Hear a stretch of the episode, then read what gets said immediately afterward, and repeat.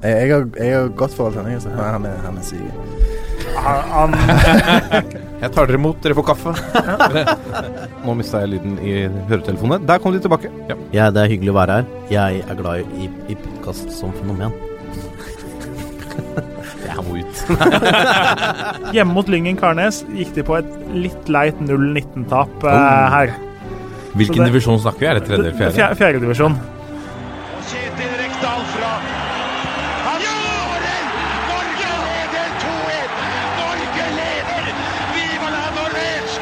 Og der er eh, toppfotball eh, tilbake igjen. Vi måtte kaste oss inn i studio fordi eh, vi har fått en sinnssyk start på Eliteserien. Altså, vi ventet lenge og Altså, vi ventet helt utrolig lenge, føltes det som.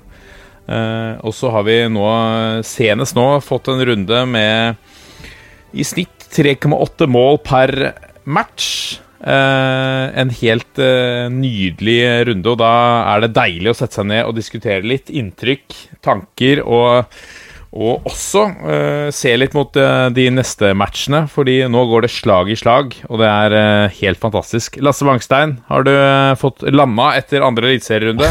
Ja, det var ikke, det var ikke så lett for oss som er glad i norsk fotball. For maken altså, til, eh, til underholdning, det tror jeg er lenge siden jeg kan huske en runde som var så, så drøy. Og, altså, det var kontroverser, det var masse skåringer, det var fantastisk angrepsfotball og ditto sagt forsvarsspill. Eh, det er eh, spenning i topp og bunn for så vidt allerede. Det er trenere som kanskje er på vei ut allerede, som det begynner å brenne ordentlig godt under. Det altså, Eliteserien er nydelig, altså. Ja, nå, fy nå er det full fyring ganske mange steder. Det er uh, nydelig. Og det er, uh, det er kort mellom slaga her, uh, Kjernås.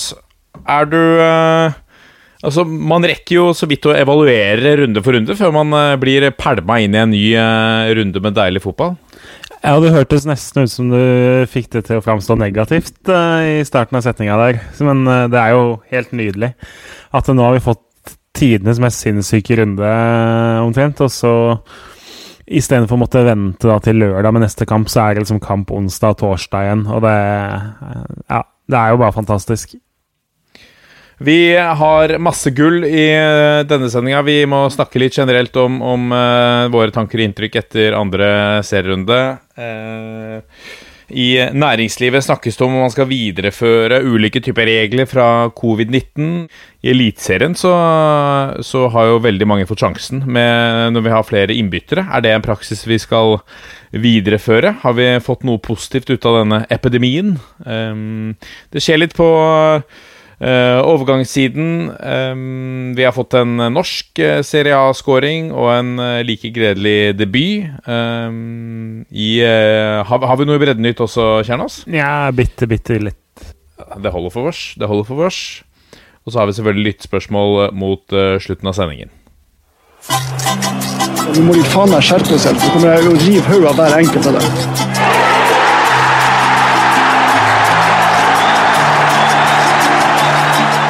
Og da er det duket for ukens tulipan og kaktus ved spaltens president Lasse Mangstein. Jo, takk for det. Det kommer kanskje ikke som noen overraskelse denne uken her. Og beklageligvis så må jeg en liten tur til Intility Arena i Oslo. Og denne ukens kaktus går da altså til Rohit Saggi, eh, kamplederen på Intility. Ja da, jeg vet at jeg er Vålerenga-supporter og sikkert er noe farget, men likevel. Vi tar det litt kronologisk. Først så gjør Saggi en generaltabbe i første omgang, hvor Lukassi skulle og burde vært utvist. I stedet så er det altså Vålerenga-spiller Markus Lekven som får det gule kortet i en situasjon hvor Kassi stempler han med fullt overlegg i leggen-kneet.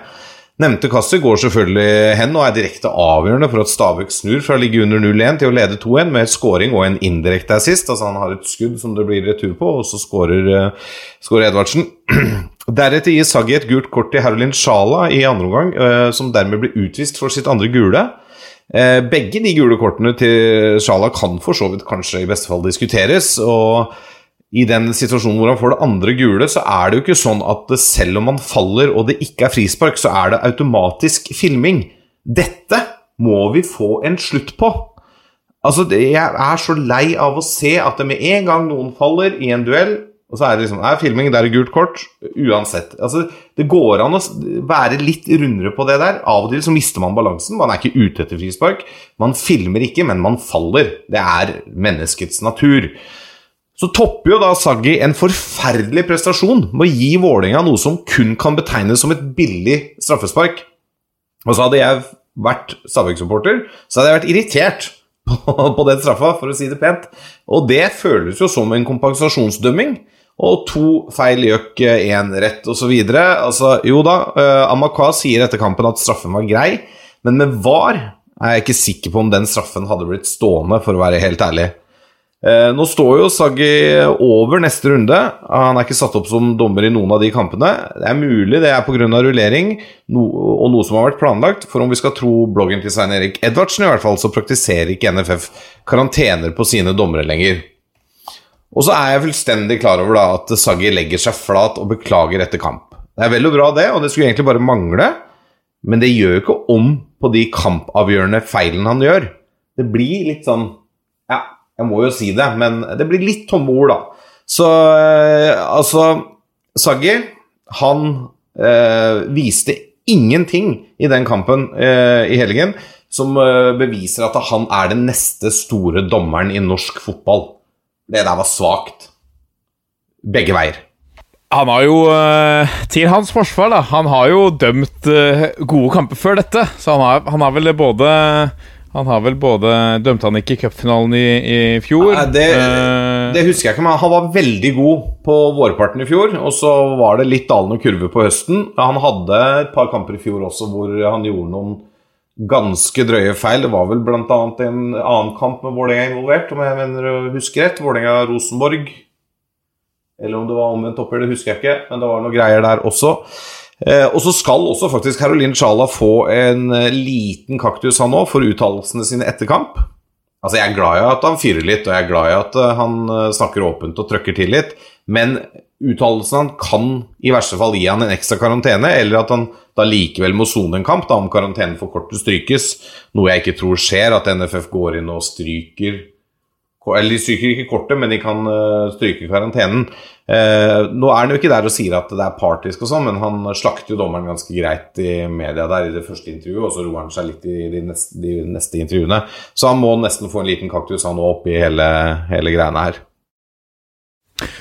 Kan jeg eh, Jeg er helt enig. Uh, langt fra Louis Saggis eh, beste match. Um, kan jeg likevel uh, si at jeg berømmer han for å være en av de få dommerne som faktisk tør å stå skolerett og svare for seg til pressen etter match. Ja, ja, selvfølgelig. Og det, det skal han få berømmelse for at han gjør.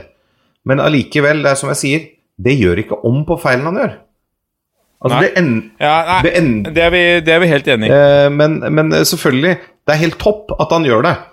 Uh, og det- er eksempel til etterfølgelse for mange andre som velger på en måte å kjøre sånn eh, strutsetaktikk, da. Ja, og det er en, det er en problemstilling som, som jeg tror må Som bør endres, da. For at det eh, Spillerne må i mikssonen. Så du er eh, eh, Du er eh, Altså, spiller du Eliteserien, så er du nødt til å gå i mikssonen. Hvis du får beskjed om eh, fra en journalist at de ønsker å snakke med deg, så er du pinadø nødt, til å stille opp der, uansett om laget ditt har tapt 10-0.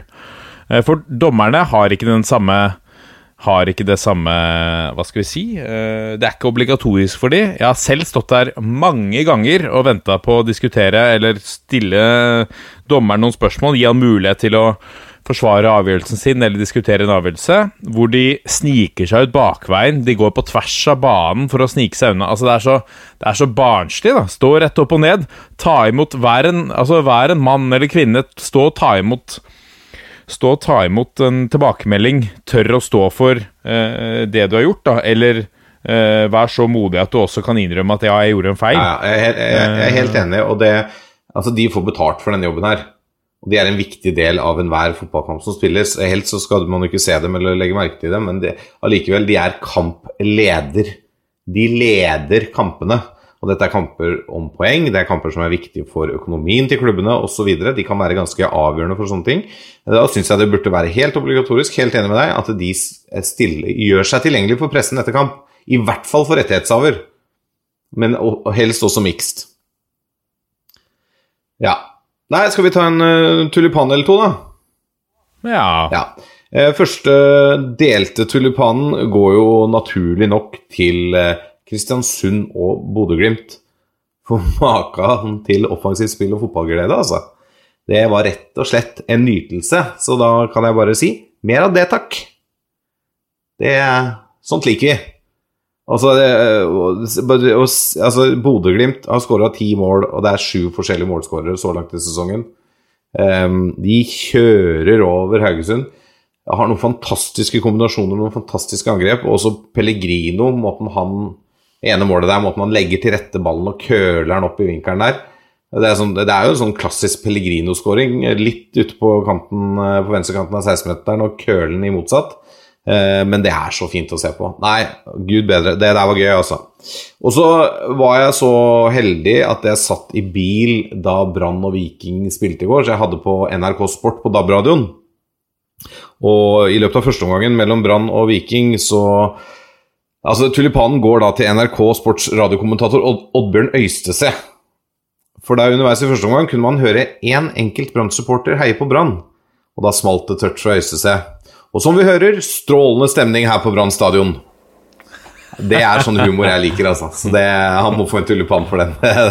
Da humra jeg godt bak rattet der. Kan vi nevne Dette er jo ikke Dette er, dette er en avsporing, men, eh, men uh, apropos kommentatorer, så må vi ta med Magnar Kvalviks uh, legendariske kommentar på Var det Sociedad Real Madrid, hvor uh, Øyar Sabal får Får vel to-tre spillere rundt seg der, nede ved, nesten ved dørlinja, eh, hvor Magna Kvalik sier at Å, han får litt doggystyle der! Eh, Øyar Sabal! Det er, eh, det er magisk. Det er magisk. For de som ikke har sett det, gå, gå inn på Twitter, søk det opp. Det er helt nydelig. Nei, men En nydelig runde med, med masse deilig reklame for norsk ball, det må vi si. Ja, ja. Helt klart. Helt klart. Deilig. Nå kommer pulsen. Og da er vi kommet til pulsen, og vi begynner pulsen da, med å se eh, lynraskt tilbake på, eh, på andre serierunde. For her må vi skynde oss, for eh, snart så sparkes den tredje runden i gang. Nå går det slag i slag. Men altså, for en runde! Det er 3,8 skåringer per, eh, per match. Eh, Det er store enkeltmannsprestasjoner. Det er eh, et godt samspill, det er elendig forsvarsspill, det er eh, noen dommerprestasjoner som eh, Ja eh, er litt under par i. Det er lag som overrasker, lag som skuffer. Vi har i det hele tatt fått ganske mye krydder, eh, Kjernås. Eh, Og eh, vi må vel starte med å si at eh, eh, foreløpig så ser outsider-tipset vårt på FK Haugesund ikke ut å treffe helt. Nei, vi kan jo starte med, kan jo starte med noen av de som gjør det dårlig. Jeg, hadde veldig tro på Haugesund og Sarpsborg. Eh, det er jo for tidlig å kaste dem helt under bussen etter 180 minutter, men, det er klart eh, Skulle man tippa tabellen akkurat i dag, så ville man jo gjort visse justeringer. Det ville man jo gjort. Eh, så er det interessant å liksom prøve å tenke på hva som ligger bak det. Eh, og nå har det jo vært en ekstraordinær oppkjøring som eh, har krevd på en måte at klubbene må tenke nytt med tanke på trening. Jeg, jeg tror det er ganske mange som har bomma fullstendig på måten de har lagt opp det fysiske og oppkjøringa nå de siste ukene. For det Altså, Haugesund og Sarpsborg, f.eks., og si f.eks. Odd, da. Det er jo ikke dårlig fotballag, men det som har slått meg, er jo at de mangler totalt energi og overskudd. Eh, se på altså, Haugesund i forhold til Bodø-Glimt. Det ser ut som ett lag har eh, å si, spist eh, noen av de pillene som Tour de France-gutta bruker, og så ser det ut som det andre laget har hatt 14 tunge styrkeøkter eh, sju dager på rad. For det er total for, altså, forskjell i energinivå, og så er det jo veldig mye annet der i tillegg. Men eh, jeg tipper det sitter noen fysiske trenere og noen trenerteam nå som diskuterer heftig hva de skal gjøre for å klare å skape energi i sitt lag, eh, nå som det fortsatt kommer kamper to ganger i uka. Lasse Wangstein, Vi stilte oss spørsmål etter 2019-sesonger. Bodø-Glimt, eh, er det et eh, blaff? Og så var vi raus med lovordene etter første serierunde, hvor de slo Viking 4-2. Og så ser vi nå at eh, Viking gikk på en ny skrell borte mot Brann. Eh, Men så svarer altså Bodø-Glimt med å, herje med og regelrett pisse på Haugesund med 6-1. Ti skåringer på, på, eh, på to matcher. Eh, Altså er de en Rekdal, Kjetil Rekdal lanserer de som gullkandidat. Akkurat nå så ser det vel mer ut som det enn eh, de som eh, er mest kjent historisk for å praktisere samme spillestil. Ja, de er, de er jo helt klart det. Nå skal jo faktisk de to lagene Rosenborg og Bodø-Glimt møtes i neste runde. Det blir jo en spennende kamp. Eh, Og Bodø-Glimt er, jo ikke- kjent for å gjøre det veldig godt i internoppgjør mot Rosenborg. Jeg tror de på 30 forsøk har vunnet noe sånt som to ganger, jeg, på Lerkendal. Jeg er ikke helt sikker på de tallene der, altså. Men det er eh, Det, det blir en tøff kamp for Bodø-Glimt, det der, altså. Det, mm, nei, det er to ganger på 26 forsøk, faktisk, de har vunnet i, i Trondheim. Så den statistikken er dårlig. Men det de har prestert så langt i de to første kampene mot eh, Viking i Haugesund, det er imponerende. Det er altså eh, det, det flyter offensivt. De får til overgangene sine, som de er sterke på. Eh, og det er, vi er jo litt tilbake til det vi snakket om i forrige episode òg. Kjetil Knutsen snakker jo om dette å erstatte disse profilene som blir borte, som Håkon Evjen og Lajoni og sånn. Han sier vi erstatter dem ikke med mannskap, men vi erstatter dem med eh, spill, eh, spillet vårt. Altså med taktikken vår, hvordan vi legger opp spillet vårt. Og så skal de da eh, forme de nye spillerne inn i rollene sine i den spillestilen. Veldig definert spillestil, veldig tydelig på hvordan de vil spille fotball. Og det tror jeg er grunnen til at de lykkes så godt der oppe akkurat nå. Kjetil Knutsen har fått, eh, i godt samarbeid med Åsmund Bjørkan, har fått, prenta inn dette, fått jobba med dette over tid. Med Bodø-Glimt som klubb og med laget. Eh, og det bærer de virkelig frukter av nå. Og så tror jeg nok dessverre at eh, fortsatt at Bodø-Glimt mangler lite grann til å gå helt opp og kjempe om gullet. Jeg er ikke helt enig med Rekdal der. Men det er klart, hvis du får en sånn supergod start på sesongen nå, hvor alt flyter, og du får liksom avstand til laga bak og litt sånne ting, så er det klart, da, da du, du kan ikke utelukke det. Altså, norsk fotball er ikke er såpass jevnt i norsk fotball at det kan skje. Du skal ikke utelukke at Bodø-Glimt kan stå igjen som seriemester, men jeg tror ikke det skjer. Jeg tror, det kom, jeg tror de kommer til å gå på noen smeller. Jeg tror de kommer til å bli for ujevne etter hvert. Og det er jo også en krevende spillestil. Så, men, eh, men det skal på ingen måte eh, snakke ned hva de har prestert. Og vi var jo skeptiske siden de leverte litt svakt i oppkjøringa her.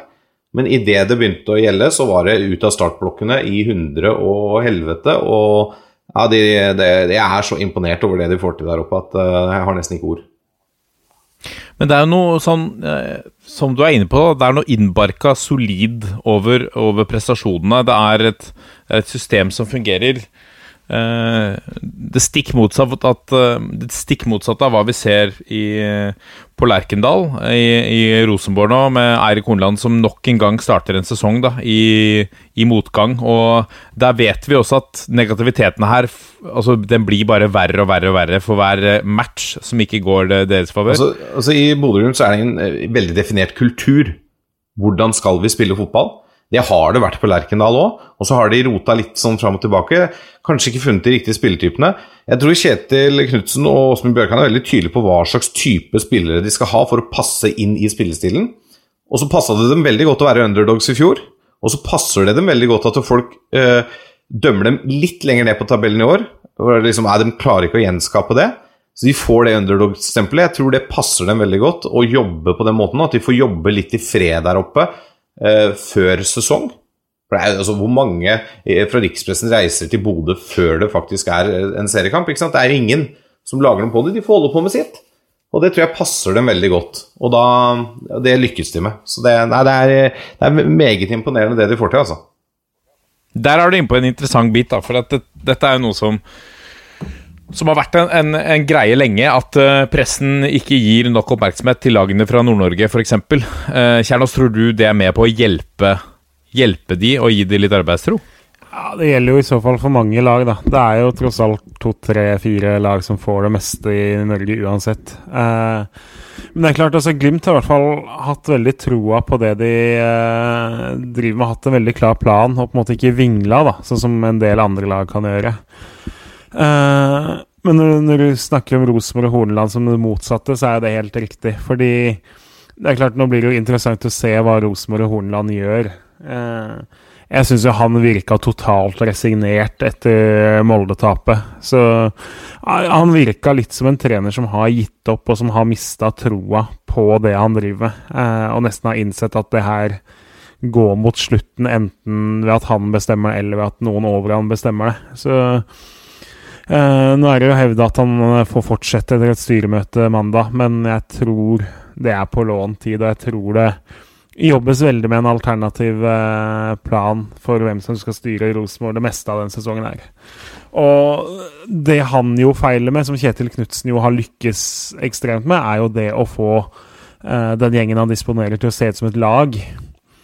Uh, vi var jo litt inne på det siste. Altså, mot Kristiansund. Det, det var avhengig av at Adek Bender skulle prøve å drible noen. Uh, Zakariassen kommer ikke helt inn i sin rett. Dino Slamovic mangler mye på topp. Uh, de får ikke brukt Bekka. De har liksom De har mye kvalitetsspillere, men det er, det er ikke noe system og noe samhandling og noe godfot over det Rosenborg eh, driver med nå. Så, så klarte de jo å bedre det litt i fjor. Uh, det kommer inn et par spillere snart som de håper skal bedre det. Men uh, jeg tror Horneland er en ferdig mann. Om det tar uh, et døgn eller en uke eller en måned, det gjenstår jo å se. Men vi snakker kort tid, sannsynligvis. Dette for mange Det skulle ikke Det skulle ikke mange rundene til da før man slår sammen 2-2 og legger inn i hva skal vi si, regnestykket at Åge Hareide er vel ferdig nå til sommeren er Hva leser du de røktene om Nei, altså, han, han er den mest uh, aktuelle kandidaten sånn som det er nå. Det, han er klubbløs. De slipper noe sånn der lang keitete greier med å skulle prøve å kjøpe noe trener fra en annen klubb, uh, som kan strekke ut i mange uker og bli dyrt. Uh, Hareide er en mann de sannsynligvis har troa på at kan få resultater ganske kjapt, og som kan komme inn med litt av det som Horneland ikke har klart å tilføre dem. Så det er en ekstremt logisk slutning å tro at de uh, kommer til å uh, forsøke å få Ågeir Hareide til å ta den jobben. Og jeg tipper den jobben med å overtale han har starta allerede. Men det ryktes jo at et scenario er at Åge Hareide tar over med Horneland som assistent. Vil ikke det altså For meg høres det rart ut hvis det faktisk vurderes. Det er vel litt av de litt diffuse sitatene til Horneland med litt sånn at vi jobber for å finne den beste mulige løsninga for Rosenborg og litt sånne ting, da. Eh, jeg vil tro at noen har lagt litt i det. Men eh, eh, det er klart at går Horneland, så er det jo veldig naturlig at Emberland, som jo er hans eh, samarbeidspartner, at han også forsvinner på lasset. Så, eh, men det er jo andre på brakka som kan trene i en sånn rolle midlertidig. Ellers så har Hareide garantert nok av mennesker han eh, har trivdes med å jobbe med tidligere, som han kunne tenke seg å ha med seg. Men la oss ikke gå i fella nå som resten av uh, pressen vi akkurat snakket om. Kun snakke om et to-tre lag. Eh, Kristiansund, eh, Kjernås. Nå eh, ett poeng mot, borte mot Rosenborg. Nå 7-2 hjemme mot Ålesund. Um, to lag som er litt i motgang, men likevel altså uh, 7-2 uansett i målforskjell etter to første matchene.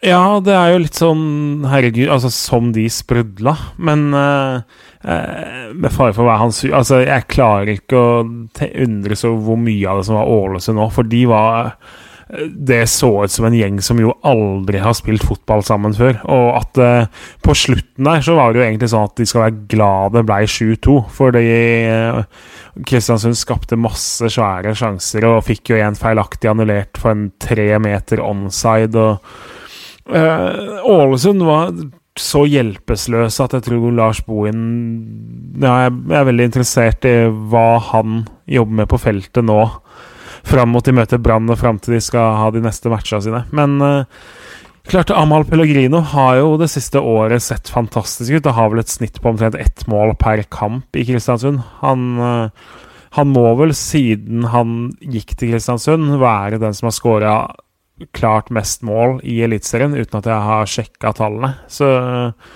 eh, så har han vel da 11 mål Nei, 13 ja, 11 mål på 12 kamper tror jeg han har i Kristiansund, eller noe sånt noe. Og det er jo helt vanvittige tall.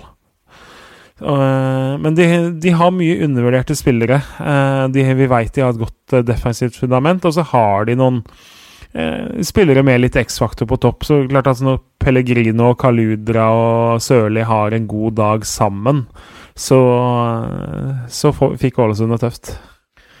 Ja, de fikk det innmari tøft. Et annet lag som fikk det tøft, og som har fått det veldig tøft i starten av uh, Eliteserien, er uh, Viking. For det er også et annet lag Altså, de gjør oss til skamme, disse lagene vi har tippet uh, lenger opp, da. vi var imponert av de i fjor, Lasse, med hvordan de gjorde comeback på øverste nivå. Men nå ser det innmari grått ut. Ja, det gjør det. Det er, det er noe som ikke stemmer i Stavanger nå. Altså, det jeg tror litt av det handler om den usikkerheten som gnager trenerteamet med Bjørne Berntsen i front der, på hvordan de skal sette sammen eh, For de har jo mye ålreit spillere, det er ikke noe tvil om det, men hvordan skal de sette de sammen på best mulig måte? I fjor var de ganske, ganske stabile i samme rammeverk, på en måte, i kraft av formasjon og spillestil. Eh, I år så er det liksom de har lyst til å få plass til Berisha, de har lyst til å få plass til Østensen og for så vidt kanskje også Høyland. Og så er det liksom noen på midtbanen der de har lyst til å få plass til, men som kanskje ikke helt får plass til. Og så passer ikke alle spilletypene i Altså Alle spilletypene passer ikke i begge de to form, utgangsformasjonene og rammeverkene de velger, da. Og det, Den usikkerheten tror jeg også har prega spillergruppa og gjør at de på en måte havner litt på hæla, rett og slett. Eh, og så er det klart at når du mister en eh, målpoengplukker som Christian Thorstvedt, slik han presterte i fjor, og du mister kapteinen, eh, så ja, Nei, det er Jeg tror det betyr mer enn de, de vil innrømme. Men har de, gjort, har de, gjort, det motsatte, egentlig, da av det som har betegnet Bodø-Glimt-suksess, f.eks.? De har hentet inn sett, sett, seg litt blinde på navn og, hva skal vi si, eh, historikk her, og ikke, ikke, fokusert like mye på hvordan de passer inn i et spillesystem? Kjernås? De har i hvert fall betalt veldig godt for å få hjem Berisha og Dilanli. Og eh, klart, det, det var mange som pekte på at altså Berisha er en solid spiller, det, og Dilanli er god når han er god, men spørsmålet ved hvordan Berisha skulle passe inn, og, og hvor mange kamper de landlige kom til å miste pga. skader, det var jo noe alle pekte på. Og foreløpig så Uh, har på en måte den uh, coinflippen der landa definitivt på feil side for dem. Så jeg tipper vi får se dem nå i neste kamp mot Mjøndalen, som jo har vært uh, bunnsolide defensivt. Så tipper jeg vi får se den her diamanten på midten isteden. For nå har de hatt to uh, 4-3-3-kamper som har fungert heller dårlig. det så ganske bra ut i et, noen av treningskampene i Diamanten, selv om mot mot Haugesund så var det ganske stakkato i det òg, så det er ikke noe sånn at det, det liksom er svaret på alle problemene de selger. Men uh, nå har du prøvd den ene av to planer, og det har funka dårlig. Så det er veldig logisk å, å, forvente seg endringer nå til det er det onsdag eller torsdag. Jeg, jeg, jeg skjønner jo at Viking lar seg friste til å hente hjem Delanley og Berisha uh, når den muligheten byr seg, men jeg tror ingen av de direkte klarer å erstatte Slatko Tripic. Uh, verken som typer og rollemodeller og kapteinsemner eller som spillere. Og da, da går de i minus da, i sånn totalen, og, og, jeg tror ikke de klarer å integrere dem like godt inn i systemet sånn som de klarte i fjor. da. Det, her, det handler jo om den derre å finne den, de kulturbærerne, og så også finne på en måte den stabiliteten i måten de ønsker å opptre på, sånn at de kan hente spillere som passer inn i det systemet. Det ref det vi snakka om med Bodø-Glimt. Ja, for det er litt så glimt av, av uh, Hva skal vi si Det Viking Sånn Viking ble, ble, ledet og styrt da, tilbake på kanskje 90-tallet, hvor man hentet litt sånn Man hentet litt store navn, og så gønna man på, og så lå man litt i toppen, og så falt det sammen som et korthus pga. økonomi etter hvert utover 2000-tallet. Og så må man begynne på nytt, da. Uh, men da, er det kanskje det at de har følt at de er nødt til å erstatte Kristian Thorstvedt, de er nødt til å erstatte eh, andre store navn som har forsvunnet ut, eh, og ikke da føler at de har tålmodighet til å jobbe på samme måten som Sarpsborg Lotte, som Bodø-Glimt, som henter yngre, eh, hva skal vi si eh, ikke like store stjerner, men tar de fra, fra, fra Obos-ligaen annendivisjon og gir de tid inn i et system. Men nå tror jeg ikke at øhm, hvis jeg var klubbleder i Norge, at jeg hadde brukt Sarpsborg 08 som øh, eksempel. I hvert fall ikke det siste halvannet året. Jeg tror jeg leste et sted at de har vunnet syv av sine siste 50 eliteseriekamper. Og de har jo henta en drøss med spillere ut, og sendt en drøss med spillere ut igjen. Eh, Så der er apropos kulturbæring, da, og um, på en måte bytte ut noen spillere i enkelte posisjoner og forme dem inn i systemet. Sarpsborg ser jo annerledes ut nå enn under Geir Bakke. Så det, jeg, jeg er ikke helt enig i eksempelet Sarpsborg, men jeg er enig i eksempelet Bodø-Glimt, f.eks. Ja.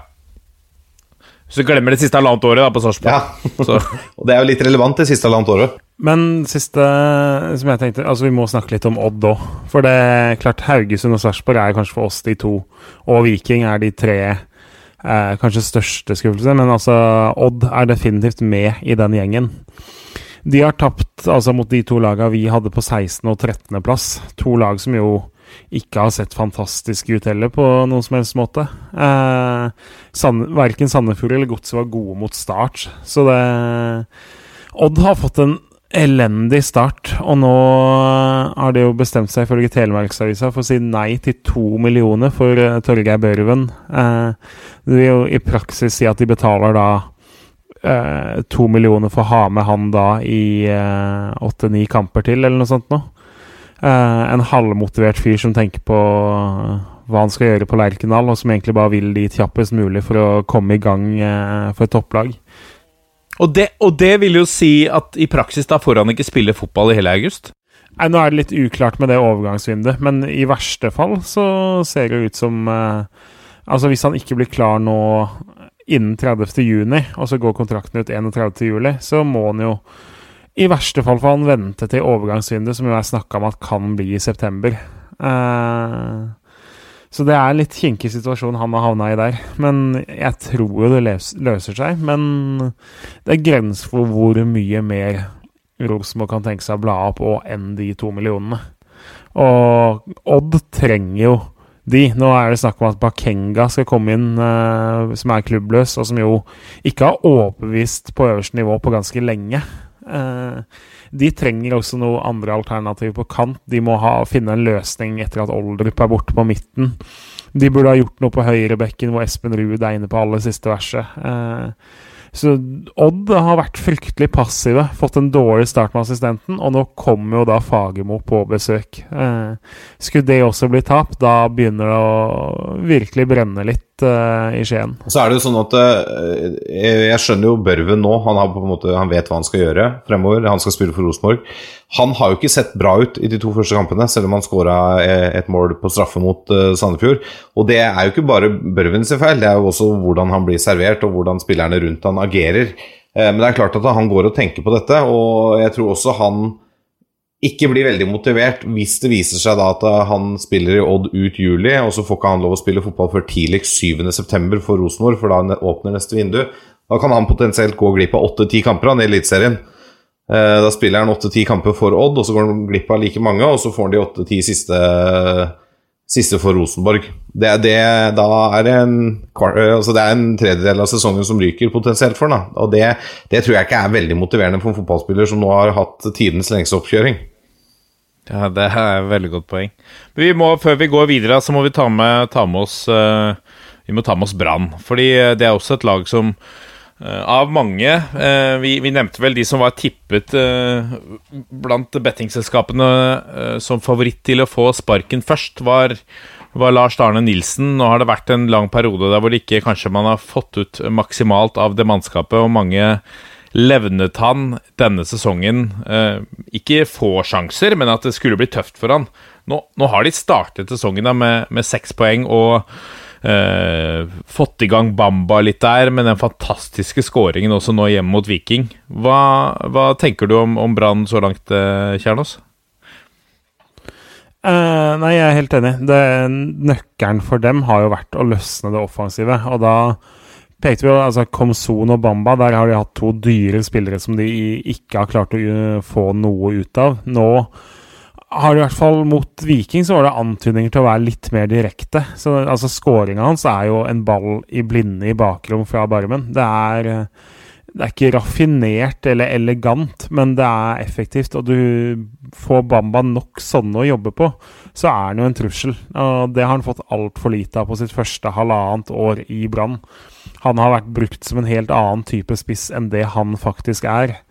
Eh, Komso nå, for nå Uh, ser ut som han har fått løsna litt av på en måte den byrden han har hatt på skuldra sine. Ser ut som han har litt mindre defensivt uh, ansvar, som ser ut som det har vært en sånn tvangstrøye for han. Og da har de to spillere som kan være med på å gjøre at det løsner for dem. Og så må vi jo nevne, at jeg tror jo de har vært litt heldige med at de har møtt to av de lagene som har sett dårlig ut og mangla energi eh, i Haugesund og Viking. Og nå møter de altså Ålesund, Rosenborg og Sarpsborg, som jo kanskje er de tre andre lagene som eh, ser verst ut i forhold til forventninger. Så eh, akkurat per nå så ser jo den terminlista ganske lovende ut for Brann, da. Det er et gunstig tidspunkt å møte alle de tre lagene på, eh, kan det fort være. Hva syns du, Vi snakket litt om Ole Martin Kolskogen, om han var klar til å ta neste steget. Hva, hva tenker du om han så langt? Nei, Han har jo levert. Jeg er ikke veldig overraska. Han var god i andredivisjon i fjor. Han har Han mangler jo kilo og litt kjøtt og litt muskler. Eh, og foten hans er ennå ikke helt liksom Sånn som Vega Forhund, f.eks. For Men eh, ellers så spiller han med ro. Han spiller med eh, Han gjør mye kloke valg. Han er lynrask. Han har, han har definitivt overbevist, og han kommer til å være brannstopper i mange år fram til de kan selge han for en ganske god penge. Så må jeg ta med fra Brann Viking også. Jeg har sagt det før, jeg sier det igjen. Panenka-straffer. Det er å sette egen forfengelighet foran lagets suksess.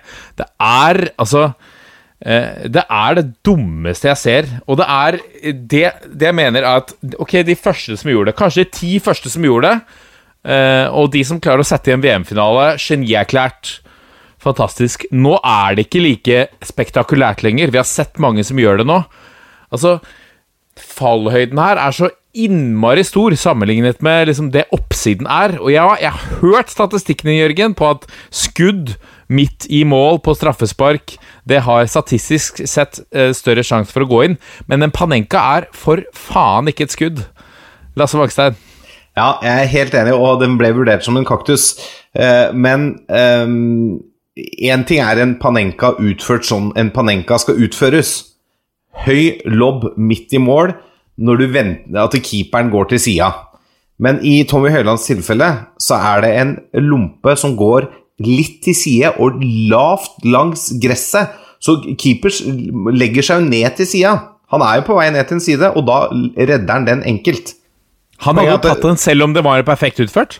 Ja, ja, ja, men, ja, det, det er, men det er ikke sikkert. ikke sant? For Hvis den panenkaen gjøres på en ordentlig måte, litt høy, nesten oppunder tverrleggeren, med en ordentlig sånn dupp eh, og, og, også det som er litt av greia med å utføre en panenka riktig, er jo å få keeperen til å legge seg idet du treffer ballen. Han tror du skyter og slenger seg, tar sjansen på side, og så kommer den vippen.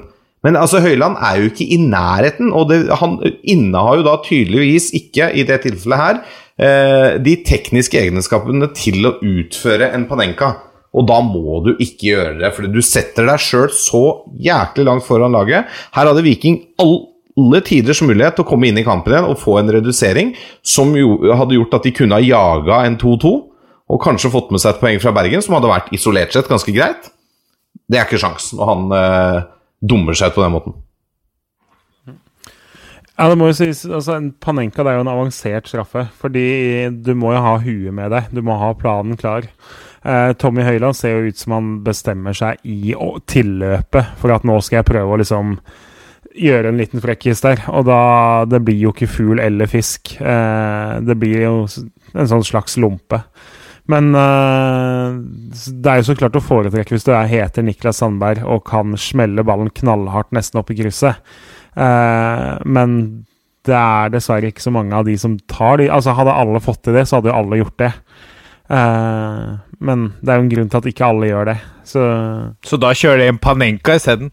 Nei, det fins mellomting, da. Eh, men det, altså, den Høyland sin er jo nesten ikke en Panenka. Det er en Det er en lompe. Det ser ut som en eh, Ser ut som en SFO-ansatt som skal spille mot en uh, førsteklassing, og som da ikke tør å druse. For hvis du treffer, treffer han i ansiktet, så blir det jo et forferdelig styr. Så han velger en sånn snill variant og håper at førsteklassingen slenger seg. Selv om å kalle Ahamada for en førsteklassing, det han uh, Han slår deg vel ikke som en som Det er en stund siden han ble holdt på å si, tatt for å være førsteklassing. Han uh, ja. For, Men ja, vi må jo snakke ja, vi må jo snakke om han, for herregud altså, det er jo utradisjonelt, og det holder jo på å gå gærent. Men det, endelig så har vi faktisk en keeperprofil i Det er helt rått. Ja, er Han er, han er helt konge. Ja, det er. Men, men har ikke Viking bedre straffeskyttere enn Tommy Høiland? Er han liksom det beste de har å komme eh, til torgs med? Han er tydeligvis den beste de har å komme til torgs med, siden han får ta straffer. Ring Bjarne Berntsen. Jeg tipper, eh, tipper kanskje han har eh, jeg, jeg regner med at han ga en klar melding der når han eh, hudfletta Kristoffer Løkberg for åpen presse, var det etter første serierunde. Så, så regn, eh, noe, en taktikk for øvrig jeg syns er noe ordentlig Ordentlig idioti. Eh, så, så tipper jeg at han hadde en klar mening om, eh, om Tommy Høiland sin straffe her også. Men altså, det er jeg helt enig i, at det er idioti å hudflette spillere øh, i pressen på den måten han gjorde med Løkberg. Men å hudflette en spiller for en enkeltavgjørelse som den Panenkaen til Tommy Høiland, det er faen meg helt innafor, altså. Ja, men det er greit. Eh, men, men jeg tenker litt sånn at som trener da, så burde du vite hva, hva som motiverer spillerne dine. Og for noen så, så blir de jo motivert av å bli eh, Hva skal vi kjefte på? Eh, og det er litt av det som handler om moderne ledelse innenfor trener, eh, treneryrket. At du må vite hvilke knapper du skal trykke på. Og når Kristoffer Løkberg syns dette er såpass liksom hva skal vi si eh, kjipt da, at han til og med svarer på det pressen og sier at 'jeg syns ikke noe om det', da har du bomma ganske greit. Og det er litt som Med fare for å ta, ta i bruk et eh, uttrykk som Christian Gauseth lanserte vel i fjor. Eh, akkurat der så var Bjarne Berntsen en trenerdinosaur, altså. Det var gammeldags lederstil. Eh, litt sånn trist å, å høre på. Eh, la oss snu dette til noe positivt. Eh, Morten Thorsby eh, satte inn en, sin første Serie A-skåring for Sampdoria. Eh, altså Nå er det vel på tide at, uh, at uh, vi får inn Hvis vi kan spille med Bristol Rovers-spillere som ikke får fornyet kontrakt, og midtbanespillere som brukes som flanker i, i championship, så er det vel plass til en mann som scorer mot Inter og spiller fast i Serie A, eller? Ja, jeg synes jo Morten Jeg har jo kjempesans for Morten Thorsby. Jeg syns han er egentlig litt undervurdert, i hvert fall sånn i norsk sammenheng. Eh, at han på en måte lykkes i eh, en såpass stor liga, det Jeg er ikke veldig overraska over det. Han han er rett og slett en bra spiller, og han er jo inne i, landslagsvarmen, men uten å ha så veldig mange minutter på banen, da. Så det kan vi jo fort eh, få se med tid og stunder at det kan bli gjort noe med. Men nå, uten å ha sett kampen, så har han vel stort sett spilt høyre wingback nå. Eh, det er jo en posisjon som ikke finnes eh, hos Lars eh, Lagerbäck. Men når, hvis du føler at du må dytte noen ut på kant, da, så er det ikke sikkert Thorsby er et dårlig valg. Tvert imot. Så tror jeg det kan være bedre enn å dytte ut typ Selnes eller hvem det skulle være. Eller Henriksen eller noen andre. Ja. Så må vi ta med oss at Kristoffer Askildsen fikk sin debut. Det var jo gledelig. Litt overraskende. eller Veldig mange har snakket om at det er jo store tropper her på benken, og at han vært tatt med som et type stallfyll, men nå fikk han altså muligheten. Hva er det det var ti minutter så sto igjen på klokka. Eh, Det blir spennende å følge han, eh, han videre. Eh, ellers, Fiti Masemi er på plass i, i Tromsø. Eh, kontrakten er vel ikke signert her vi sitter nå, men, men det er en rar greie, eller? Han er henta til Stabæk uten å spille en match, og så går veien videre til Tromsø. Er det bare business, dette? Wangstein? Han er klar, da. Han er klar nå. Han er klar nå. ja. Ja, det, det virker jo som at uh, Jeg vet ikke hva jeg skal si, men det virker jo som de har skjønt i Stabæk at det her kommer ikke til å fungere, rett og slett. Altså det er, Fiti Masemi var ikke den spissen vi trengte og så etter. Uh, dette kommer, kommer ikke til å funke. Og så kommer Tromsø på banen og vil ha han, for der har han fungert. Og da tenker de at ok, her kvitter vi oss med en lønnskostnad, og kanskje vi klarer å hente inn noen tusenlapper i overgangssum også. Og så blir det egentlig en vinn-vinn-vinn. Altså det blir vinn for begge klubber og for spilleren sjøl. Eh, for det er klart, eh, Fiti Masemi har hatt sine utfordringer etter han kom hjem fra utenlandsoppholdet sitt. Han kom jo tilbake til Vålinga eh, i ganske dårlig forfatning, slik jeg skjønte, det, både fysisk og psykisk. Og fikk litt tid til å bygge seg opp igjen. Lykkes ikke i Vålerenga, bomma på noen åpenbare sjanser, så jeg tror egentlig det satte seg litt i han. Han hadde så lyst til å lykkes og fikk det ikke til, og så kom han til Tromsø, og det løsna det litt der i høst. Eh, og så tenker jeg at eh, da er det en trygghet han trenger. Eh, å spille med litt mindre press kanskje i Obos-ligaen. Og spille for en klubb som er forventa å ligge i toppen av Obos-ligaen. Eh, så jeg tror egentlig dette er en veldig god løsning for alle parter. Men eh, det er jo synd da på gutten at det på en måte det, Litt av det etterlatte inntrykket nå er at han liksom ikke fungerer i Stor-Oslo-klubbene på Ja. toppnivå. Ja. Vi går videre da til eh, et eh, covid-19-grep. Eh, det er eh, blitt eh, kritisert mye og snakket mye rundt eh, dette med publikum osv. Hvorfor er fotballen, i, fotballen på stadion i en særstilling sammenlignet med andre arrangementer? Eh, et av grepene som er gjort eh, rent med spillet, er jo å tillate flere innbyttere for å unngå skader. Nå Eh, sørger jo disse tiltakene for at flere får spilletid. Man kan bruke fem bytter i løpet av en match, men de må fortsatt eh, da brukes, som er et smart grep, brukes eh, fortsatt kun med, med tre pauser, altså, for innbytte. Um, nå eh, er Espen Hågens Rusdal i Dagsavisen en av de som fronter det at dette bør videreføres. Eh, Kjernås, tror du, tror du flere innbyttere, innbytter i norsk ball vil heve kvaliteten på spillet? Om ikke heve kvaliteten, så gjør det i hvert fall at det taktiske aspektet har litt eh, større muligheter, da, sånn som vi har snakka om før. Du, du kan bytte litt mer på laget ditt. Du kan ta to tidlige bytter hvis ingenting fungerer, og så ikke være redd da liksom, for at nå har du brukt opp to av tre bytter. Eh, så jeg tror de mest taktiske av trenerne og de som liker å skifte på ting, kommer til å ha stor glede av det. Og så er det et stort pluss, og det er at de unge uprøvde kan få litt mer spilletid. Eh, du ser jo sånn som Bodø-Glimt, når eh, seieren var sikra, så kunne jo de bytte inn på mange av de som har spilt lite for dem. Brann kunne jo kaste inn på Markus Menert, selv om han har spilt både første og andre divisjon, så fikk han debuten sin. Det hadde han ikke fått med tre bytter. Da måtte han sitte på benken, og kanskje han ikke hadde kommet inn på banen i løpet av vårsesongen. Nå har han på en måte fått eh, Det var ikke mer enn fem-seks minutter han var på banen, men likevel har han fått debutere for Brann. Eh, Sånn kommer vi til å få se mye rundt om, at noen av de lovene, noen av de nummer 18-19-20 i stallen, får spille fem minutter, ti minutter, kvarter. Eh, og for dem kan det bety mye for selvtillit og motivasjon og på en måte Du har nådd ett mål i karrieren din, nå kan du på en måte jobbe videre mot det neste. Eh, så jeg, jeg kan ikke se at det skal være noe negativt med det. Og I hvert fall når de gjør det sånn at du fortsatt bare har tre pauser til å bytte. da, Så du kan ikke søle vekk og liksom bytte nummer én og to vanlig, og så gjør du tre bytter etter hverandre på overtid og liksom kaste vekk hele overtida på drøying med det. Så eh, utelukkende positiv. Og så frigjør dette et par sånne taktiske muligheter også, da, Lasse. Hvis du har uh, Hvis du har to-tre veldig sterke, hodesterke spillere, kaste de innpå på slutten av en, av en match og, og gønne på med dødballer og lange baller, eventuelt sette innpå en Uh, altså, hvem vet, hvis, hvis man har innført dette på permanent basis, så er det plutselig nesten interessant å å se på muligheten for å ha en kicker i laget. At du har en fyr som er jæskla god på frispark. Eh, Kanskje ikke den beste på alt annet, men at du kan sette inn på han da når du får et eh, avgjørende frispark mot slutten. Ja, du får jo muligheten til eh, nesten special teams, ja, som i amerikansk fotball. Det er helt riktig. Folk med ekstrem kompetanse på et eller annet som gjør at de, altså de er ikke gode nok for å spille en hel kamp i det hele tatt, men de kan komme inn i fem-ti minutter og gjøre én enkelt oppgave som kan snu en kamp. Eh, det er klart, Vi har jo sett noen lag tidligere prøve seg på sånne varianter med å sette inn på tre hodesterke spillere for å bryte opp og, og vinne.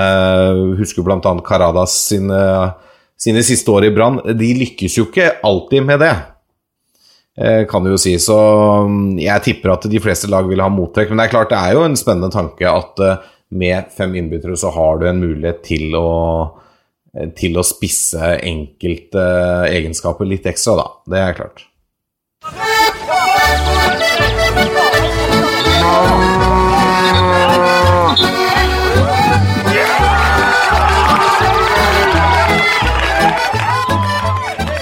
Og da er det klart for Breddenytt ved spaltens presidente, Jørgen Kjernås. Jeg tenkte jo vi skulle være såpass eh, kommersielle at vi må jo følge det som er mest interessant i breddefotballen for flest mulig akkurat nå, og det er jo at det er en kvinnelig trener for Sotra, som vi har nevnt uh, siste episode.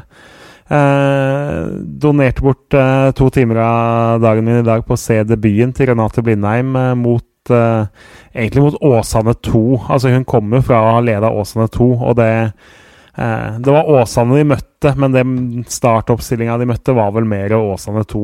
Eh, men hun fikk en drømmestart da, som seniortrener. Leda 2-0 over gamle arbeidsgiveren allerede etter ni minutter. Men gikk til slutt på et 4-2-tap mot Åsane. Så uh, og klart Blindheim har det Vi snakka litt om det. Hun har en skikkelig tung oppgave foran seg i år. For de har mista mye nøkkelspillere, og de kom med en tynn tropp og uh, har ikke noen voldsomme muligheter til å hente noen. Så uh, det blir interessant å se hvordan hun får til noe med det laget. Men det ser ut som et lag som Det blir vanskelig å plassere dem noe annet enn på nedrykksplass når man skal tippe tabellen. Ja. Spennende uansett å følge. Hvordan er Har du sett noe på hvordan er entusiasmen rundt denne nye signeringa? Vi har jo snakket om det tidligere at det, det er jo ikke til å komme fra, vel. Dessverre, må vi vel kunne si, at Helena Mikkelsen-sammenligningene kommer. Men uh, har du merket noe på en entusiasme rundt Sotra? Nei, det, det, er vel litt for kort å si hvordan det funker sånn uh, rundt klubben. Men det er klart, det har jo fått mye nasjonal oppmerksomhet. De var jo i Alta aviser uh, på fredag, så de har i hvert fall oppnådd den der første fine reaksjonen, da. Og så er det mye som skal til før, før det blir noe mer ut av det, på en måte. men vi kommer jo til å få litt oppmerksomhet i starten og de første kampene. Men som sagt, ha en veldig, veldig, veldig tøff oppgave foran seg der. Noe mer? Nei. Nei, den er ikke bredde, men jeg tenker vi, vi tar den med likevel. For vi har jo eh, Mye av det har jo ikke havna på lufta, men vi har jo i chatten vår hatt enkelte forslag til gode breddenavn. Eh, og så har vi vært litt usikre på om det har vært litt sånn eh, Altså, navnet ditt har du ikke valgt sjæl, og litt sånn, da. Så man skal være litt forsiktig. Men selv om det ikke tilhører bredden, eh, så må det nevnes fordi Bodø-Glimts nye keeper Joshua Gerardus Petrus Wilhelmus. Smits. altså hvis, hvis, hvis, du overgår det navnet, da, da må du få noe toppfotball-gadgets, tenker jeg. Hvis du har et navn som slår det å hete Gerardus Petrus Wilhelmus til mellomnavn, da All ære til deg da, tenker jeg vi sier. Dette er toppfotball. Og da er det duket for lyttespørsmål, og vi begynner med et spørsmål fra Kenneth uh, Sørensen på Twitter. Han uh, lurer på hva syns dere om podkasten Spillerådet, som uh, Vegard Flemmen Vågbø har sammen med spillerne i Eliteserien. Og da er det til og med Altså, Michael Carlsen der har jo fått fornya tillit, selv om han er Obos-ligaspiller. Lasse Mangstein, er det hva, hva syns du om podkasten til Det er vel i regi Eurosport? Jeg digger den. Ja, den er fin. Ja, jeg syns den er kjempefin. Eh, det er det virker som de spillerne som uh, tør å være med, og som får lov å være med Det var en periode bl.a. Uh, disse lagene for lokomotivet vårt i Trondheim, eller disse spillerne for lokomotivet vårt i Trondheim ikke fikk lov av klubben sin å stille i podkaster annet enn de de lagde selv. Uh, de får jo nå lov å være med, men det virker som spillerne tør å slippe seg løs, og tør på en måte å by på seg sjøl og fortelle litt om ting som skjer i de indre gemakker. og sånne ting som er morsomt å høre om. Og så er, har de funnet en god miks av folk eh, som har, eh, har, litt humor og glimt i øyet, da. Ja, det, det, setter jeg stor pris på. Jeg, så jeg storkoser meg. Jeg er jo i en sånn situasjon at jeg kjører jo et par timer bil om dagen til og fra jobb. så jeg får tid til å høre på litt podkast, og jeg storkoser meg hver gang det er et nytt spilleråd ute, altså. Den er fin. Den er fin. Kunne du tenke deg en lignende variant på, på breddefotballsiden, Kjernås? Hvem, har du noen forslag der til karakterer som burde vært med? Uh, nei, ikke sånn umiddelbar at jeg klarer, skal komme med noe godt svar. Men at uh, det, fi, at det fins uh, ti ganger så bra typer der, holdt på å si, til noe sånt, noe, det kan, kan vi slå fast. Ja. Nytt spørsmål og et viktig poeng som vi like gjerne kunne nevnt i pulsen. Markus Pedersen er nå, eller skal, fengsles for fyllekjøring. Han hadde vel en promille på 2,5 24, målt i april. Eh, HamKam har jo sagt at dette var de klar over før de signerte kontrakten. Dette var vel også mens han eh, Han har jo trent med de i, i, en stund også i 2020. Eh, hva, tenker vi om, hva tenker vi om dette? Dette er jo en, en sak som på én side er jo eh, Altså, måten HamKam har håndtert det på, er at de, de har sagt at de Eh, det gjorde at de eh, mer enn gjerne ville ta han inn i stallen. Dvs. Si at de var enda mer gira på å få han inn under deres vinger for å følge han opp, sikkert. For det kan jo tydelig på at du har litt personlige utfordringer hvis du setter deg bak rattet når du har 2,24 i promille. Eh, vi leste vel før sending Lasse, at eh, sjansen for å svime av og kaste opp er ganske stor eh, på, på, dette nivået. Eh, samtidig så må vi vel adressere her òg at dette er jo helt sjanseløs oppførsel. Ja, altså Det er jo ikke noe tvil om. Altså det, og det, det, det, er helt sikkert noe i det han sier selv, at uh, han var i en tung uh, periode personlig, og vi skal ikke kimse av personlige tragedier, men likevel, å gjøre det valget om å sette seg bak rattet på en bil i, med den, den, promillen, det er så sjanseløst uh, nakent. Uh, altså du, du, har så lite kontroll på kroppen at du risikerer å pisse på deg sjøl med den promillen. Uh, og det, det sier litt, altså da er du ikke i stand til å kjøre en bil. Det er bare Guds lykke at det gikk bra, og at han ikke skada noen andre eller seg selv i denne hasardiøse ferden han da har vært uh, lagt ut på. Han, altså Du er pære dritings altså på 2,26 i promille, og det, det, er så lite um, ansvarsfullt, det. Altså det, det, jeg mener det, det fins ikke en unnskyldning, altså, for å sette seg bak rattet på en bil med den promillen. Uh, jeg, jeg, beklager, det fins ikke en unnskyldning i verden. altså Uansett hvor tungt livet er og hvor tungt ting har vært, så setter du deg faen meg ikke bak rattet på en bil med den promillen der. Det, så det, det, er, det, er tri, det er jo en trist sak, selvfølgelig, men, uh, og det er jo trist at han roter bort Altså Nå fikk han jo sjansen av HamKam, men det er jo ikke noe tvil om at eh, Markus Pedersen, det han tidvis har vist i løpet av karrieren sin, det, det, burde han kunne vist over flere og lengre perioder hvis han hadde vært dønn seriøs hele veien. da. For det er jo klart, det har jo vært andre tilfeller også med bl.a. alkohol inn i bildet. Jeg husker jo selv at han måtte stå over to kamper i Vålerenga fordi at han var og rava på byen under 48 timer før en kamp. ikke sant? Ble sett i kebabkøen på Bislett eh, kebab klokka halv tre to dager før kamp, eh, og da var han heller ikke veldig edru. Så det er klart det har jo vært en tilbakevendende problematikk, det her. Eh, at han ikke klarer å styre seg når det, når det jekkes eh, voksenbrus. Ja. Vi går videre til Nordlink86. han lurer på om vi har noen tanker rundt dette med at det som viser seg nå Det kom en sak i VG Det har vært mye press, mye skriverier rundt Eh, publikum både i Eliteserien og frustrasjon over at på andre sosiale arenaer i samfunnet tillates det større menneskegrupper. Nå sier NFF at det ikke er automatikk at det får være publikum på 200 mennesker i toppserien i Obos-ligaen og i PostNord. Eh, NFF stiller seg altså over eh, den øverste myndigheten i dette landet. Er det eh, Attpåtil så jo, hevder jo klubbene da at det ikke har kommet ut noe informasjon rundt dette. Eh, Nils Fiskekjønn eh, står altså i denne saken i, i VG, så, så, så blir han litt naken, eller? Kjern, Kjernås Wangstein? Ja, jeg, altså han Jeg klarer fortsatt ikke helt å skjønne den der sammenhengende logikken, jeg. Med, med liksom at hva som skal være konsekvent og ikke konsekvent. Jeg skjønner at det er vanskelig med tanke på alle ting i, samfunnet, men uh, jeg skjønner jo fortsatt ikke heller hvordan Mjøndalen kan trøkke sammen 100 supportere på ei lita supportertribune, mens uh, Store Lerkendal må ha 200 mann på sin stadion. Eh, jeg skjønner ikke hvorfor det skal være trygt å ha de der og ikke kunne ha 50 eller 100 stykker i toppserien. Eh, det er vel sannsynligvis et eller annet press og noen krav fra myndigheter, får man jo fortsatt tro, da.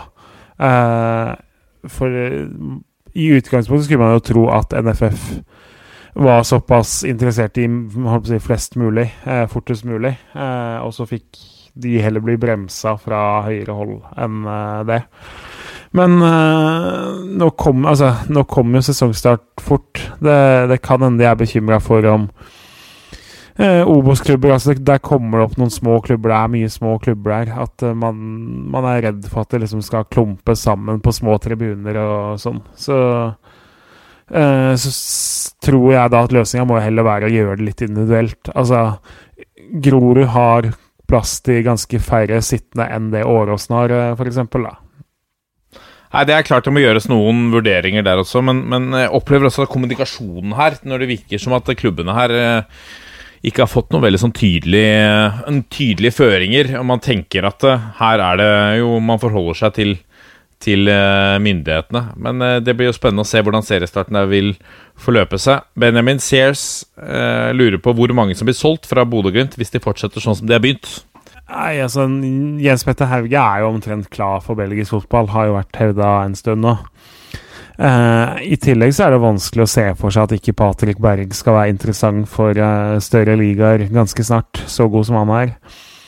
Fredrik Bjørkan er klar med tid og stunder. Eh, og så er jeg veldig spent på Ulrik Saltnes, eh, om der kan være noe interesse for han. Han er jo litt eldre enn de andre. Eh, en nydelig spiller, men jeg tror på en måte det sitter langt inne å selge han nå. Der tror jeg ikke Glimt kan få så mye penger heller som han er verdt for dem.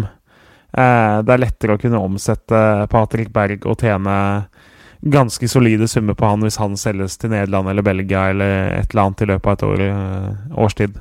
Ja.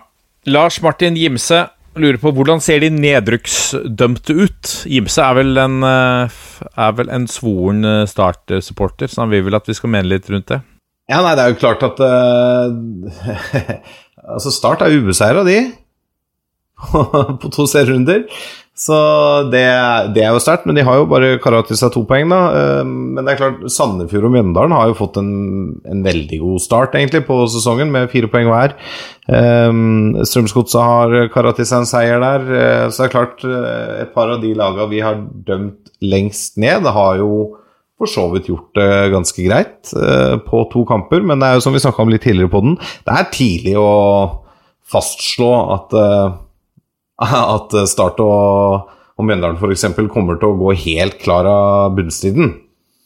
Og at det på en måte Odd og Odd og Sarpsborg og Viking kommer til å ligge helt der nede til vi Eller Haugesund, da. Ligge helt der nede til vi skriver fjerde søndag i advent, eller hva det blir. Men eh, Nei, det er klart eh, det, Men det hjelper jo. Alle poeng de tar, hjelper jo. Og det er fint å få en god start. og Så er det bare å på en måte bygge videre på det og fortsette, fortsette den trenden, da. Eh, For hvis du skal motbevise på en måte eh, tipsene som har kommet før sesong, så er jo det den eneste måten å gjøre det på. Det er jo å ta nok poeng, det. Det er jo tidlig, og for, altså for Start sin del så er det bekymringsfulle at de slipper inn såpass mye mål. Eh, mot Godset var det jo på ganske få sjanser òg, og eh, mot Sandefjord òg så blir de eh, Det ser ikke veldig trygt ut. Det er veldig vanskelig å se for seg at de skal holde nullen veldig mye når de De slipper til litt for lett, da. Det, det er litt for mye av de derre skulle ikke han vært der? Burde ikke klart å stoppe han før uh, det her skjedde? Oppdager fare litt for seint, er litt for lite samspilte. Nå måtte de klare seg uten RMU, som jo var skada, som har utgående kontrakt. Og det er potensielt kan være sånn at hvis de skal ha igjen noe penger for han, så bør jo han da kanskje bort uh, i neste vindu. Uh, så jeg er fortsatt ikke noe sånn at eh, Som Start-supporter så ville jeg ikke vært beroliga, men de har jo fått noen positive svar i angrepsspillet, i hvert fall, da. Ja. Vegard Bjørgå går til deg, Wangstein. Hvor var tweeten fra Wangstein om at X-spillere alltid scorer mot Vålinga når Oliver Edvardsen putta for Stabæk? ja, eh, den tweeten var vanskelig å skrive, for da, da også satt jeg i en bil, faktisk. Eh, jeg, så jeg så det meste av helgens fotball så jeg i opptak og hørte på radio, rett og slett. Og det har sin enkle forklaring i at uh, vi er nå midt i den beste tida for fluefiske etter ørret. Så i går så hadde jeg en liten dagstur til mine hjemtrakter i Valdres. Og og hadde en strålende dag i eh, regnværet, uh, hvor jeg sto og nøyt uh, synet av vakende ørret og synet av ørret som sprellet i håv. Så det er den enkle årsaken. Det var så vått at jeg ikke turte å ta fram mobilen, rett og slett. Og så satte jeg bil etterpå. Når du står og fisker sånn, står du med fotball på øra, eller er det, liksom, du, er det viktig å nyte liksom, naturens egne naturlige lyder? Det, det, hender at jeg eh, tar fotball på øra eh, i de timene det varer fotball. Og er det veldig lite liv ute på vannet, altså hvis fisken ikke er så aktiv, så um, eh, hender det at jeg setter på en liten stream på mobilen når jeg sitter på elvebredden der og titter. Liksom, da veksler blikket mellom skjerm og elv. Skjerm og elv få med det viktigste. Så, men eh, jeg passa på å se oppsummeringen på kvelden og spole gjennom et par kamper. Eh, så jeg føler jeg har fått med meg det meste som skjedde i, i helgens runde. Og, så, men det var derfor tweeten, eh, tweeten ikke kom. For jeg, jeg, jeg, skriver ikke tweet når jeg kjører bil. Oh, der fikk du sagt det også.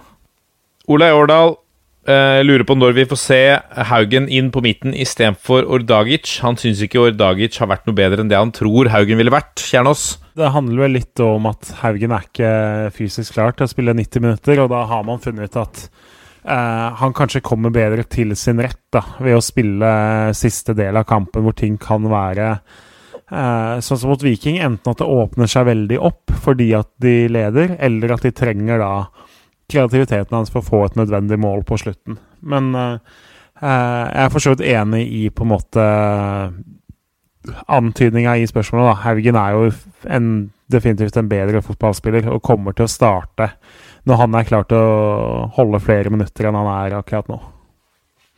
Lars Årstrand eh, lurer på to, Nå er det to uker til Obos-start. Eh, har treningskampene hittil gitt noen overraskelser, og har det vært verre å komme i gang enn forventet? Rare skader eller lignende.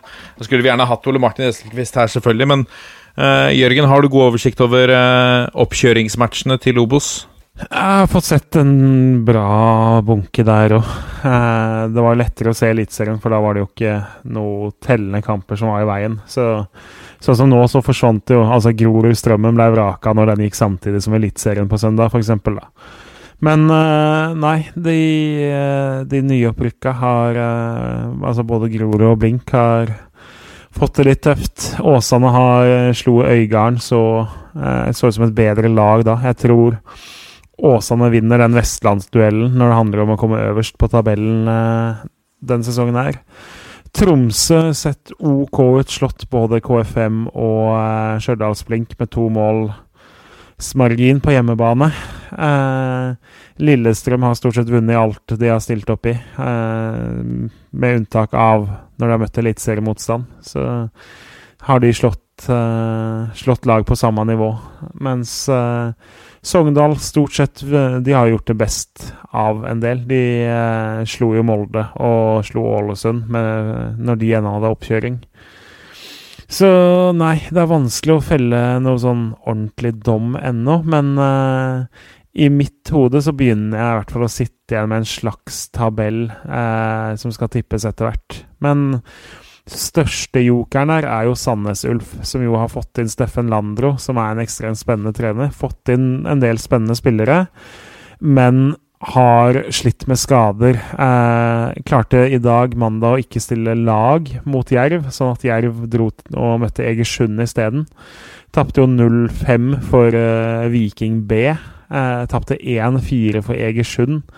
Jostein Ekeland mister nå tre-fire måneder av sesongen, som jo kanskje er beste spilleren de har, sammen med Kent Håvard Eriksen. Så Sandnes Ulf er litt sånn Hvis ting begynner å klaffe for dem, eh, klaffe alt, så er de en opprykkskandidat. Eh, går ting så gærent som det tyder nå, så er det nesten at de er nede i bunnen. Og så eh, blir kanskje konklusjonen at de er et sted fem eller åtte eller et eller annet sånt noe, men det der har du en joker i kortstokken, for å si det sånn. Ja. Vi runder av, da. En, eh, en eh, nydelig sending med spørsmål til deg, Lasse. Eh, Adrian Lidstad er spent på Vålerengas midtbanetrio uten Sjala. Safer Dag Eile Fagmo med Felix Horn Myhre, eller får vi se Odin Tiago Holm? Vega eller Osame fra start som indreløper i Skien? Ja, Det er et veldig godt spørsmål. Ehm, jeg er også litt spent på pga. Grunn av kamp uh, Altså hvor tett kampene har kommet nå, da. Er f.eks. Lekven uh, og Oldrup klar for 90 minutter til, da? Eller blir det en helt ny midtbane? Men jeg tror Hvis det er bare Sjala som erstattes, så tror jeg han starter med Felix Horn Myhre. Uh, og så er jo Jeg tror jo Odin Tiago Holm nærmer seg mer og mer å få, få lengre innhopp og til slutt en start. Så jeg tror ikke det er så langt unna at vi får se det. Men om det skjer nå i Skien, mot et Odd-lag som kommer til å fyre på alle sylindere for å vise gamlesjefen at uh, han gjorde feil, selv om de har starta litt trått, så tror jeg nok at uh, Fagermo går for det litt mer safe. Og jeg tror han er litt klar for å på en måte sette en stamme av den elveren, og da bytter han så lite som mulig. Deivre Vega får vel uansett ikke se den indreløperrollen. Det blir for sårbart defensivt, eller? Jeg tror ikke han kommer i noen indreløperrolle, nei. Han skal nok ligge ute på kanten, ja. Og der, der, akkurat nå så virker det som Aron Dønnum skal klare å håndtere den uh, høyrekantposisjonen ganske greit, i hvert fall. Men så kan jo Vega brukes på venstre òg, da. Bård Finne har jo ikke vært helt topp så langt, så kan det hende kommer et bytte der. Osame Sarawi uh, skaffa straffe nå mot uh, Stabæk. Kom inn, fikk sin debut, eliteseriedebut. Um, hva, hva, tenker du om han? Det er en, det er en mann vi har sett uh, mye godt av i, i oppkjøringa. Altså, det er en, spill, en, spiller, en spiller som er veldig spennende. Uh, han har noe ved seg, han har noe sånn grunnteknikk og et tyngdepunkt som jeg syns er veldig gøy å se på.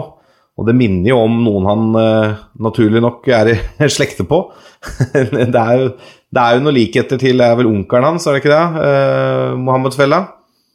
Om jeg ikke husker helt feil i den familierelasjonen der. det her har sikkert Jørgen mer kontroll på enn meg. Uh, men um, Nei, det er, det, er, det er, en veldig veldig spennende spillertype som på en måte har blomstra litt i vinter pre-korona. Og som vi har venta på nå, da, etter den, den, vinteren han hadde. så det er gøy at han får, får debuten sin. Og jeg syns han virka ganske uredd når han kom innpå. Så dette blir en spennende spiller å følge med utover. altså det gjør det absolutt.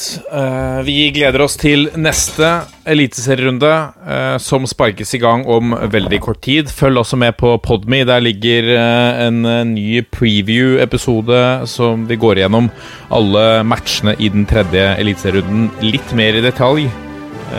og så er vi selvfølgelig Eh, på Twitter og Facebook og Instagram. Send gjerne en mail også til toppfotballat451.no. Det blir vi happy for. Og så gleder vi oss da til, eh, til ballen ruller gjennom kun et par dager. Så runder vi av på 1, 2, 3. Vi er en gjeng! Ha det! Ha det!